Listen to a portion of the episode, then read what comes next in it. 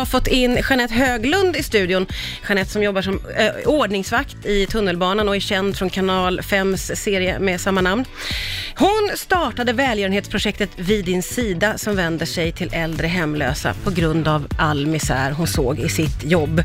Välkommen hit eh, Jeanette. Vad var det för misär du såg? Ja, jag var ute och gick där på natten eh, i tunnelbanan och såg en man som var runt 70 år och han grävde i papperskorgarna. Han var så välklädd så det kändes så konstigt. Så jag gick ju fram till honom och frågade vad han gjorde och varför. Och då berättade han sin livshistoria där och den var helt bedrövlig. Vad, vad, vad berättade han för dig? Att han hade då förlorat sin fru för två år sedan och då förlorade han även hennes pension efter ett år. Så de här dyra utgifterna fanns ju kvar fortfarande, men bara en pension.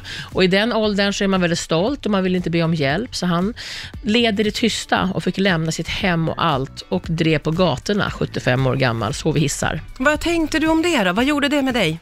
Jag vart så himla bedrövad och tänkte, det här är inte sant. Jag är van att se andra uteliggare som Ja. sover i fulla och allt, men att se pensionärer som har jobbat i sitt liv. Ja. Så jag tänkte, jag måste kolla upp det här. Så jag fick tips av honom var de kunde bef- var de befinner sig. Ja. Så jag åkte ut dagen efter och gjorde det.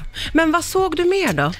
Då såg jag massa äldre pensionärer sitta med påsar mellan knäna med tomburkar i och satt och sov sittandes. Och de såg elände ut. Trasiga skor, dåliga tänder och dåliga kläder. Ja. Eh, hade du sett det här innan eller var, var det liksom nyheter för dig med? Det var helt Att, nytt. att gamla är hemlösa? Ja, det var helt nytt. Alltså, man är ju van att se en viss grupp människor. Ja. Men de här var så fina, de är gamla och de sitter upp och har jobbat hela sitt liv. Jag blev galen. Jag kände att det här är inte okej. Ja, och du tog ju tag i det här. Det här är det som jag tycker är så spännande, för många av oss kan ju se något som är fel eller Mm. någon misär och man tänker, jag vill göra någonting och i bästa, bästa fall sätter man in en hundring någonstans. Mm. Men du tänkte större. Ja, det behövs fysisk kraft det här. Jag kände att jag behöver kontakt med dem. Så jag tänkte att nu, ett liveinlägg på Facebook, berätta vad jag har sett. Ja. Och sen liksom swishade folk pengar till mig, jag åkte och handlade och sen så bestämde jag en dag att Ja. åka ut och möta de här människorna. Ja. Och där började det. Du bestämde dig för att göra något handgripligen. Vad blev det?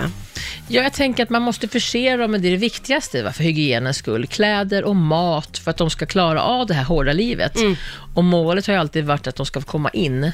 Så vi kämpar mot det fortfarande och det börjar hända saker. Men fortfarande så måste ha mat och kläder och klippa håret. Och bara för att man är hemlös ska man inte behöva se hemlös För ut. sånt tillhandahåller du då och i den här eh, organisationen vid din sida? Vi är 16 volontärer som hjälps åt, och de är fantastiska. Ja. Men, men hur går det till när man drar igång något sånt här? Det behövs pengar och lokaler och kunskap. Ja, alltså det var ju bara från början, jag åker ut och gör det här och sen börjar folk vilja hjälpa till och då tänkte jag att det måste starta en liten sån här, eh, vad kallas det för, en liten eh, ideell förening. Ja. Och då fick jag hjälpa min pappa att göra det och sen så bara en Facebook-sida och sen körde vi. Ja. Och den växte ju enormt.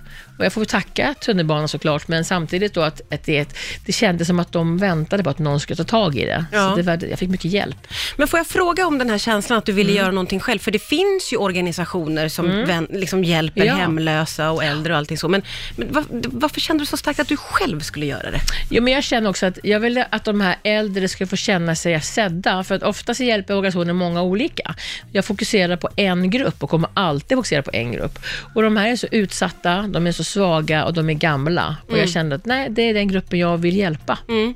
Hur skulle du säga att deras framtidsutsikter ser ut? De här gamla hemlösa människorna som du träffar. Ja, jag kan säga helt kaxigt nu, tack vare vår organisation så kommer vi se till att de får det bättre och vi kommer börja med uppsökarverksamhet så vi ska hjälpa så många vi kan. Ja.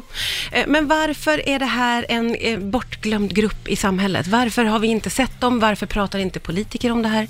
Ja, jag är lite besviken på dem där uppe i glashuset, för att jag har bjudit in alla.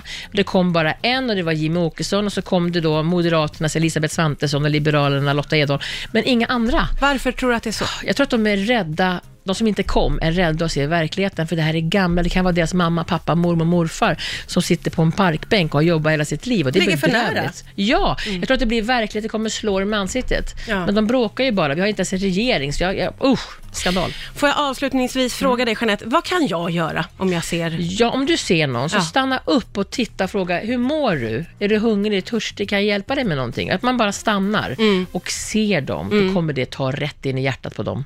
Tack snälla för att du kom till mig idag.